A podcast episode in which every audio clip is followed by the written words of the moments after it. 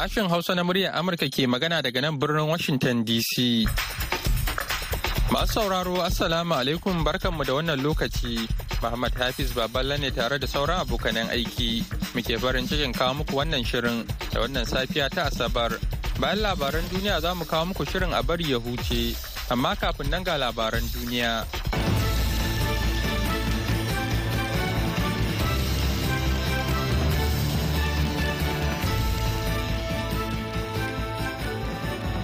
Jama'a assalamu alaikum ga cikakkun labaran duniya mai karantawa Muhammad Hafiz Baballe. Amurka ta sanar da wani sabon kunshin taimakon soja jiya Juma'a ga Ukraine wanda ya kai kimanin dala miliyan 400 kamar yadda sakataren harkokin wajen Amurka Anthony Blinken ya bayyana. Wannan kunshin taimakon sojan ya hada da karin harsasai na HIMARS da Amurka ke samarwa waɗanda Ukraine ke amfani da su yadda ya kamata don kare kanta. Da kuma harsasai na motocin yaƙin Bradley, motoci masu silke da kayayyaki da kuma sauran kayan kula da su, horo da kuma tallafi in ji shi. Za a ba da kunshin tallafin ne ta hanyar amfani da ikon shugaban ƙasa, wanda ke ba shugaban damar bayar da tallafin soja da ayyuka daga wurin ajiya Amurka ba tare da amincewar majalisa ba a lokacin gaggawa, in ji Blinken yayin sanar da tallafin. Shugaban ƙasar Iran Ibrahim Raisi ya zargi makiya na ƙasar a jiya Juma'a kan jerin abubuwan da suka faru a baya-bayan nan na guba mai muni da ta sa ɗaruruwan yara 'yan makaranta rashin lafiya musamman 'yan mata a faɗin ƙasar. A wani jawabi da ya yi wa jama'a kudancin Iran da aka nuna kai zai ta gidan talabijin na ƙasar, Raisi ya ce makiya al'ummar ƙasar suna ƙoƙarin haifar da tarzoma a fagage daban-daban a ƙasar. Ya ce makiya Iran sun ce suna neman haifar da matsaloli a kan tituna kasuwanni da makarantu don kunyatar da al'ummar iran. Kamfanin dillancin labaran irna na ƙasar iran ya bayar da rahoto a farkon wannan makon cewa ra'isi ya ba da umarnin gudanar da bincike cikin gaggawa kan gubar da aka saka wa yara mata 'yan makaranta a sama da makarantu talatin akalla garuruwa huɗu tun daga watan nuwamba shi hadda birnin kun mai tsarki na 'yan shi'a na iran. Wannan dai shine karan farko da shugaban na Iran ya yi jawabi ga jama'a game da abin da ake zargi guba ce da ta shafi yara 'yan makaranta. Labaran yana zuwa muku ne daga nan sashen Hausa na murya Amurka a birnin Washington DC. Kotun tsarin mulkin ƙasar Belgium a jiya Juma'a ta tabbatar da yarjejeniyar musayar fursunoni da Iran wadda za ta kai ga musanya wani jami'in diflomasiyya Iran da aka samu da laifi da wani ma'aikacin agaji ɗan ƙasar Belgium da aka ɗaure shi a gidan yari. 'Yan majalisar dokokin ƙasar Belgium sun amince da yarjejeniyar a watan Yulin bara, amma kuma an jinkirta saboda ƙalubalen shari'a daga wata ƙungiyar adawa ta Iran da ke gudun hijira. Kotun ta ki amincewa da matakin soke hukuncin kotun tsarin mulkin ta faɗi a cikin wata sanarwa da ta fitar. Ko da yake alƙalan kotun sun kuma bayyana cewa duk waɗanda aka kama da ake nema a miƙa dole ne su kasance suna da 'yancin shigar da takamaiman kara a kotu. Amurka ta faɗa jiya Juma'a ta kakaba takunkumi kan wasu 'yan ƙasar Rasha shida da ta ce suna da hannu wajen kamawa, gurfanarwa ko kuma cin zarafin shugaban 'yan adawar Rasha Vladimir Kara Murza wanda aka tsare a bara mayan yayi magana akan yaƙin Ukraine. Rasha ta kama Kara Murza a watan Afrilun bara kuma ta ayyana shi a matsayin wakilin ƙasashen waje. A halin yanzu ana tsare da shi bisa zargin yada bayanan karya game da rundunar sojoji. Karkashin sabbin dokoki da aka kafa kwanaki takwas bayan da aka fara mamaye ukraine a ranar 24 ga watan fabrairun shekarar 2022 sakataren harkokin wajen amurka anthony blinken ya faɗa a cikin wata sanarwa da ya fitar cewa amurka na nana ta kiran da ta yi na gaggauta sakin kara murza ba tare da wani sharaɗi ba. Kuma ta kudura aniyar tabbatar da cewa yunkurin vladimir putin na rufe bakin masu suka yi nasara ba.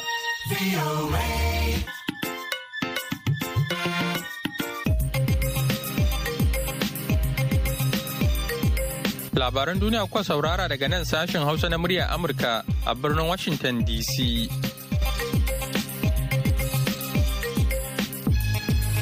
yanzu kuma sai a gyara zama domin jin shirinmu na gaba.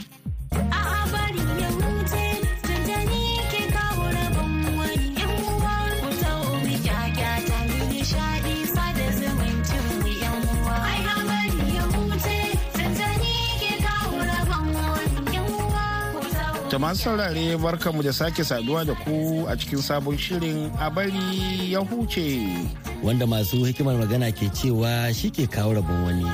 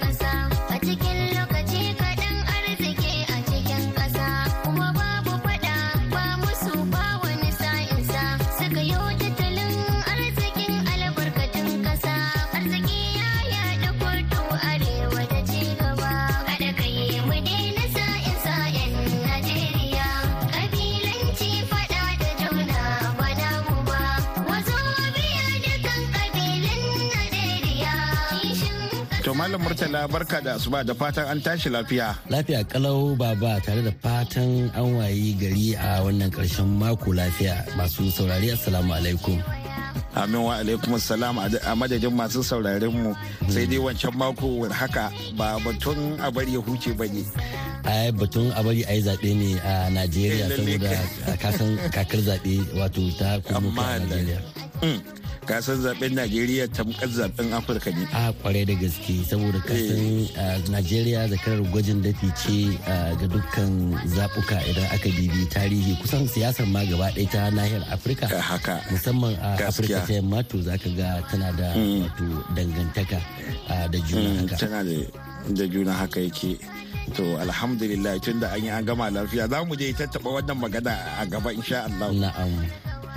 Yau wato murtala kai tsaye bari mu je ga ainihin sakonnin taya murna da muka samu. Da farko mun samu wannan saƙon taya murna ne daga mai sauraren mu wanda za daura aure tsakanin 'ya'yan muhammadu umar fareba gashuwa da zainab idrisu yunusa wanda za a daura a yau asabar ɗin nan kenan huɗu ga wannan wata ce da misalin ƙarfe goma na safe a ƙofar gida da ke unguwar katuzu a gidan gona. To allah ya ba da zaman lafiya ya kuma ba da zara'a ɗaya ba. To sai kuma gaisuwar taya murna zuwa ga al'ummar birnin kumasi da giwai da ma jihar baki ɗaya na sabon sarki da aka zaba alhaji sidi sidi abdulkadir ibrahim dan tsoho kenan. To muna addu'a allah ta sarki riko kuma allah tabbatar da zaman lafiya da haɗin kai tsakanin sarakuna a birnin kumasi. To amin suma amin baba. Muna fatan alkhairi ga wannan sarakuna da kuma waɗannan mutanen. To har yanzu dai ta yin murna ne za mu yi ga kafatanin iyalai ko kuma zuri'ar modibo abubakar mai gunya dan abdullahi fodiyo da ke gwandu da kuma musamman alhaji atiku mai atamfa gwandu bisa ga ɗaurin auren 'ya'yansa da za a yi. Ayuba atiku mai atamfa gwandu da kuma hafsa bello maruda wanda aka yi shi a jiya juma'a a masallacin mai martaba sarkin kabin argungu tare da fatan allah ya ba su zaman lafiya ya kuma sanya alkhairi da albarka a wannan aure kuma ya ba su zuri'a ɗaya ba. To sai kuma gaisuwar ta'aziyya zuwa ga ainihin iyalan gidan Alhaji Haruna Muhammad Atijani a birnin Kumasi na rasuwan Alhaji Hussaini da aka fi sani da Alhaji Ofa wanda za yi addu'arsa a yau Asabar ɗin wato an jima kaɗan kenan a unguwar Ababu a birnin Kumasi gaisuwa ta musamman ko ta'aziyya ta musamman zuwa ga za'imul harkatar Tijjaniya wato shugaban ɗarikan tijjaniya a ƙasar ghana kenan da kuma ta'aziyya zuwa ga ainihin iyalan alhaji umaru baba isa sarkin wangarawan a yawa suke nan kuma shine chairman ko kuma shugaban sarakunan unguwar a yawa suke nan a nima da mamo bi baki ɗaya to allah ji kansu ya sa sun huta ya ji kan sauran magabata baki ɗaya to amin baba.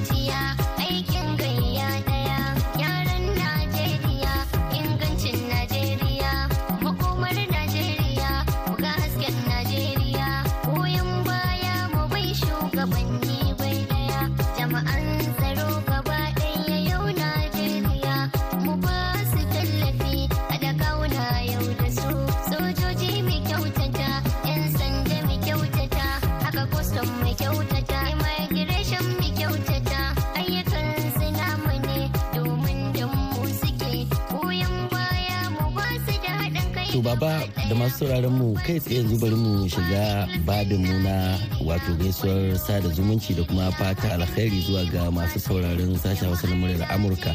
Da farko akwai Ahmad Manaja daga Bauchi anguwan Karofi Madaki wanda ya ce da Allah ya da saƙon gaisuwarsa ta abar a fili abar ya huce zuwa ga masu gabatar da wannan shirin da kuma sarkin yaƙin bauchi alhaji aliyu yakubu lame da ke garin gubau a karamar hukumar toro a jihar bauchi.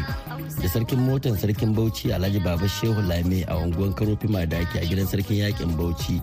Da uban doman bauchi alhaji nasiru mu'azu da ke unguwan bakaru a birnin bauchi. Da hajiya halima yari a gidan yarin bauchi da ke kan titin bakaru a garin bauchi.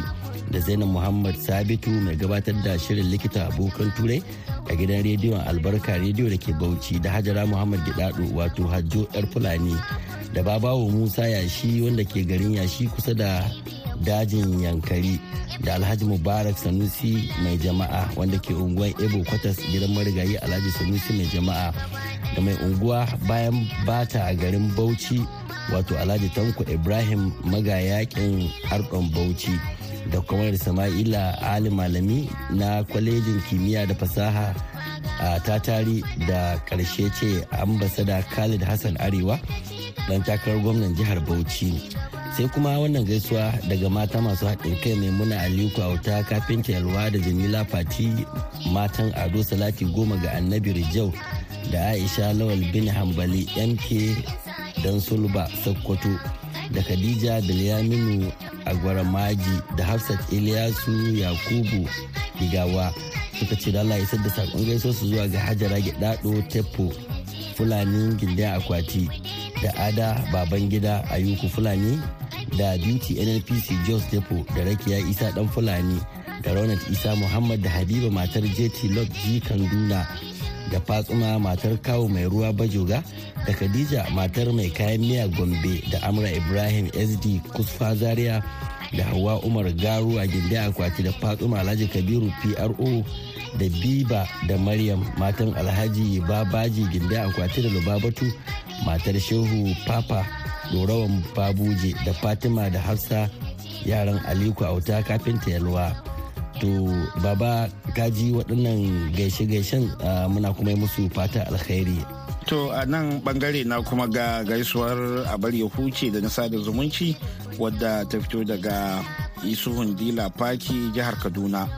Ya ce gaisuwa da fatan alkhairi ga daukacin ma'aikatan sashen hausa na muryar amurka.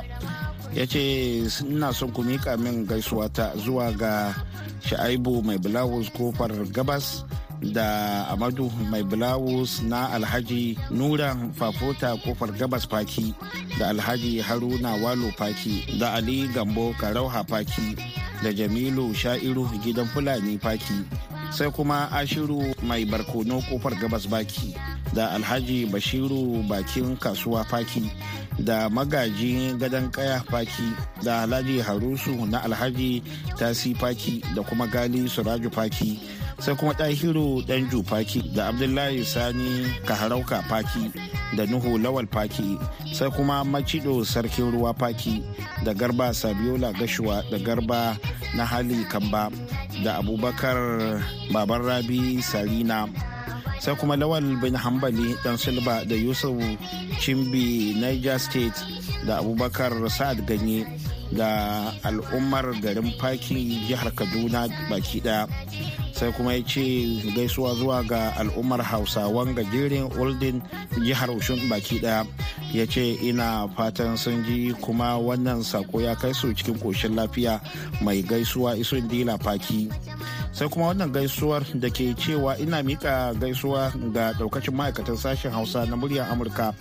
Ya ce ina gaida mahaifina alhaji salihu mai agogo kaura na moda da ɗana abdulsamad muhammad salu da injiniya sanusi nasiru ruwaya baban afnan da alhaji mele yusufari da lawal hambali dan silba da ado salati goma ga annabi rijau sai kuma usaini dangote karasuwa da honrabo hafizu balarabe gusau sai nasiru musa adafka da bello dan madami mai yankan farce sai kuma alhaji ibrahim shamakin zamfara da malam abu kaura mutum abun tsoro sai kuma abdullahi mai shayi bakin kasuwa kauren na moda da alhaji buhari mai shago bakin kasuwa kauren na moda da daukace 'ya'yan ƙungiyar muryar talaka na najeriya baki da mai gaishe ku mahmud salu kauren na moda baban abdulsamad. To da fatan kun tashi lafiya baki da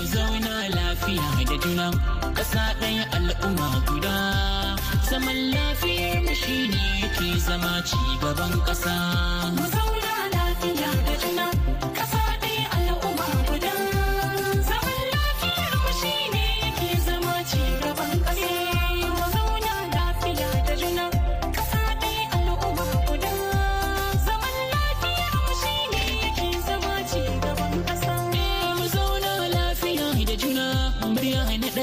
Nake faɗa. Allah sarki ka taimake ni a amfana nake biɗa. Zama lau lafiya da juna in ci gon saƙon na jaddada. Mu cure a wuri guda kar mu yarda a samu mai faɗa. Idan har ƙasa ta ci gaba zama na lafiya ne yasa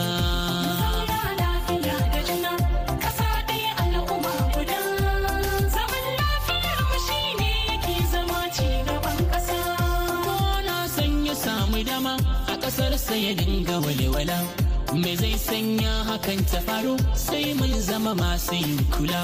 Ma'ana mu kula da 'yan uwanmu kar mu yarda mu tashi hankula da haɗin kai babu matsala. Al'umma ce kala-kala. Maza mata 'yan ƙanana da manya kuma ga matasa.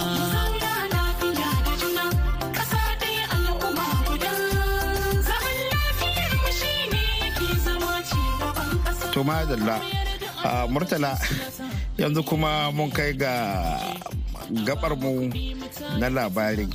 Amma wannan karo ba wani labari ba ne illa labari da ya shafi na zaɓe da aka yi lafiya aka gama lafiya a ƙasar najeriya. So lallai kan baba za a ce wannan dai kusan shine labarin da ya fi ɗaukar hankalin kowa da kowa a wannan makon daga ƙarshen makon da ya gabata har kawo yau inda aka gudanar da wani zaɓe wanda yana ɗaya daga cikin zaɓukan da aka fafata sosai. Sa'annan kuma kamar kowane zaɓe shi ma kasan ya zo da nashi abubuwa na ban mamaki wanda har kawo yanzu ya bar mutane suna ta mamaki da abubuwa suka kasance haka. Masha Allah bai je zo da inconclusive ba ko. a to ya zo gaskiya da inconclusive a wasu abin ga zaɓukan na 'yan majalisar dokoki na ƙasa. Akwai wuraren da har yanzu ba a abin nan ba. Amma dai abin da ya fi jan hankalin mutane idan muka fara da zaɓen shugaban ƙasa shine wato yadda ake tunanin kamar shi dan takarar jam'iyyar apc da aka ayyana cewa shine ya lashe zaɓen kaga ya fito ne daga jihar Legas kuma ana ganin cewa kamar yana da ƙarfi sosai. Sa'annan kamar shine jagoran siyasa ba ma na na jihar shine uban yan siyasa a Legas ɗin nan na'am amma kuma sai ya zama wani dan takara wanda ba ko shi ya zo na biyu ba misali ga sakamakon da aka bayar shine ya abin nan wato ya yi rinjaye. A wannan jiha din. Sa'annan idan muka koma ita kanta jihar katsina jihar shi shugaba mai ci yanzu mai barin gado wato shugaba muhammadu buhari inda za ga ita kuma dan takara na wata jam'iyya na wata jam'iyyar pdp ne ya yi nasara a wannan wurin. So kaga waɗannan abubuwan na ɗaya daga cikin abubuwan ban mamaki da a ce wannan zaɓen ya zo da shi. To ni ma din da da dan ƙaramin fahimtar da na yi wa zafuka a najeriya ina ganin da da an ce magudi ya yi magudi sosai da kamar tinubu a Legas inda za a fi tafka magudi kenan. Tun da wuri ne da aka san cewa yana da ƙarfin fada aji kuma yana da jama'a. Manyan shahararrun 'yan siyasa da ke a Legas ina jin kusan duka ɓangaren ce suke. To kaga aka kuma wayi gari aka yi wannan abun mamakin. Sannan kuma akwai 'yan wato gwamnoni da dama da suka faɗi a zaɓe. Wannan na gwada gaskiya ana samun ci gaba da nasara a zaɓen da ake yi a kasashenmu ga gane? Wato ina tuna wani wani abu tamkar almara. A shekarar 1992 a ghana da aka fara zaɓe a jamhuriya ta huɗu da aka fara zaɓe lokacin da rollins zai ya rikide kuma farar hula ya rabu da mulkin soja ya zo. To a cikin waɗanda suka yi takarar shugabancin ƙasa sai aka zo lokacin kasan farkon abu ba a waye da abubuwa da yawa sosai ba. Shi ne shi wannan ɗan takarar ya zo rumfar da ya kada kuri'arsa aka zo aka zo kidayen kuri'a shi bai da kuri'a ko ɗaya a guran shi fa da shi da matan shi da iyalansa duk nan suka kada kuri'a a wannan rumfar. To shi ne da 'yan jarida ke tambaya saya garin yaya aka aka samu haka? Ya ce wannan shi ma dai bai gane ba. Saboda ko matarsa da 'ya'yansa ba sa to shi ma ya son kashi shi ma baya son kashi eh shi ma baya son kashi to kaga shi ne irin wannan. To harka ce ta zaɓe. To amma wannan zaɓen da muka gani a najeriya na nuna cewa abubuwa suna kankamawa amma dai kamar yadda masana suke faɗi kuma akwai abubuwan duba da ya kamata a duba a yi gyare-gyare saboda a fara samun zaɓen da ba a korafi bayan zaɓe to wannan shine abin da zai taimaka wa kasashenmu. a ƙwarai da gaske. Sa'an nan kuma baba idan kamar da muka faɗa a mabudin wannan babin wato kasan shi zaɓen najeriya wato kamar yadda kake cewa zaɓe ne kamar na nahiyar afirka za a ce saboda najeriya kamar ido ce. A ƙasashen nahiyar afirka. Ta yadda wataƙila duk yadda aka yi zaka ga ƙasashe da dama suna da alaka ko dangantaka da zaɓen najeriya. Wannan yasa ƙasashe daban-daban kamar ita ganin nan da ka ambata nan take suka yi saurin fitowa suka wato taya murna ga wanda aka zaba kanin kuma suka yi kira da a kwantar da hankali kada ta da hankali saboda mi? Saboda kasan yadda aka yi zaɓe dole sai an sai wasu abubuwa sun bayyana waɗanda wasu ke ganin an yi ba daidai ba. To shine a shugaban ƙasar Ghana na ɗaya daga cikin na farko farko wato na akufo addo wanda ya yi kira ga dukkan masu ruwa da tsakiya sha'anin siyasar najeriya da cewa da allah in ma da akwai mai korafi to da allah a bi hanyar doka da kwanciyar hankali. Shine mafita. cewa an sasanta shi an magance shi maimakon a yi fito na fito da kuma tashi hankali wanda ba zai kai ƙasar ga gaci ba. Wato musamman ma je ganin irin rawar da najeriya ke takawa a fannin ci gaba ko kuma raya ƙasashen afirka ta yamma na ecowas. To gaskiya baki ɗayan ƙasashe da ke yammacin afirka sun fi so su ga najeriya ta hankali na kwance fiye da kowa saboda su ne masu cin gajiyar zaman lafiyar najeriya fiye da ma kowa. Shi sa lallai wannan abin idan za a yi haka to ya dace a bi hanyar doka a je a nemi haƙi to wannan shine abin da ya dace. Kuma na ji dan takarar mataimakin shugaban kasa na labour party ahmad datti. Na ji shi ma ya yi magana ya ce magoya bayan su kwantar da hankalinsu amma lallai za su bi doka su tabbatar da cewa an yi abin da ya dace. To sai dai murtala kafin mu yi sallama da masu mu da kai ne aka ce rumfar da ka kada ka kada kuri'arka kana matsayin mai takarar shugaban kasa. Aka wayi gari aka zo ana kidayan kur'u a gurin ba a ga kuri'a ko ɗaya naka ba. Ya za ka yi? Kuma kai da iyalin ka. Ai ai baba zauna kawai zan in girka musu dariya kawai. Don ba kuka ma zan girka musu ba dariya ma zan yi. Ba za ka je kotu ba ka ce. Eh eh abu guda ne zan na kawai abun da zan ce to da Allah aljanu aljanu nan da suke zama wato jami'an tattara sakamakon zaɓe don Allah su fito da abin don na san dai ba dai mutane ba sai dai an dai gani dai na na dan gona tawo ƙuri'a yawa dan na za ka malama juli tana daga mana hannuwa don haka a nan za mu dasa aya a madadin murtala faruk sanyin na. Baba ya ko makeri ne muke sallama da ku a huta lafiya. Salamu alaikum.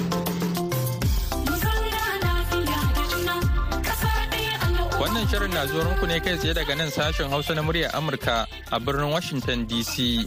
Ga masu sauraron ma jamhuriyar Nijar za ku iya sauraron ma tashar mu ta BOA Africa akan mita 200.5 baya ga haka a koda yaushe ake so za ku iya zuwa shafukanmu na intanet wato a boahausa.com ko kuma sashin hausa.com ko kuma shafukanmu na sada zumunta facebook da twitter domin sauraron shirye-shiryenmu inda za ku kuma iya yin tsokaci da bayyana ra'ayoyi. Kuna kuma iya aiko mana da saƙonni ta hanyar imel a sashin hausa at voanews.com. Da haka ne kuma muka kawo ƙarshen shirin namu a wannan lokaci sai kuma da rana ku ji abokanan aikinmu da wani sabon shirin da ya hada da adawo lafiya. Shirin da ke faɗakar da al'umma kan abin da ya shafi harkokin sufuri. Za ku iya samun ƙarin haske kan dukkan rahotannin da muka gabatar, har ma da ƙari a shafinmu na intanet boahausa.com da kuma shafinmu na sada zumunta Facebook da kuma Twitter. Yanzu a madadin dukkan waɗanda suka ba da gudunmawa ga nasarar wannan shirin da suka hada da Julie Gresham da ta haɗa shirin da ba da umarni. Muhammad Hafiz Baballa ke sallama da ku a wuni lafiya.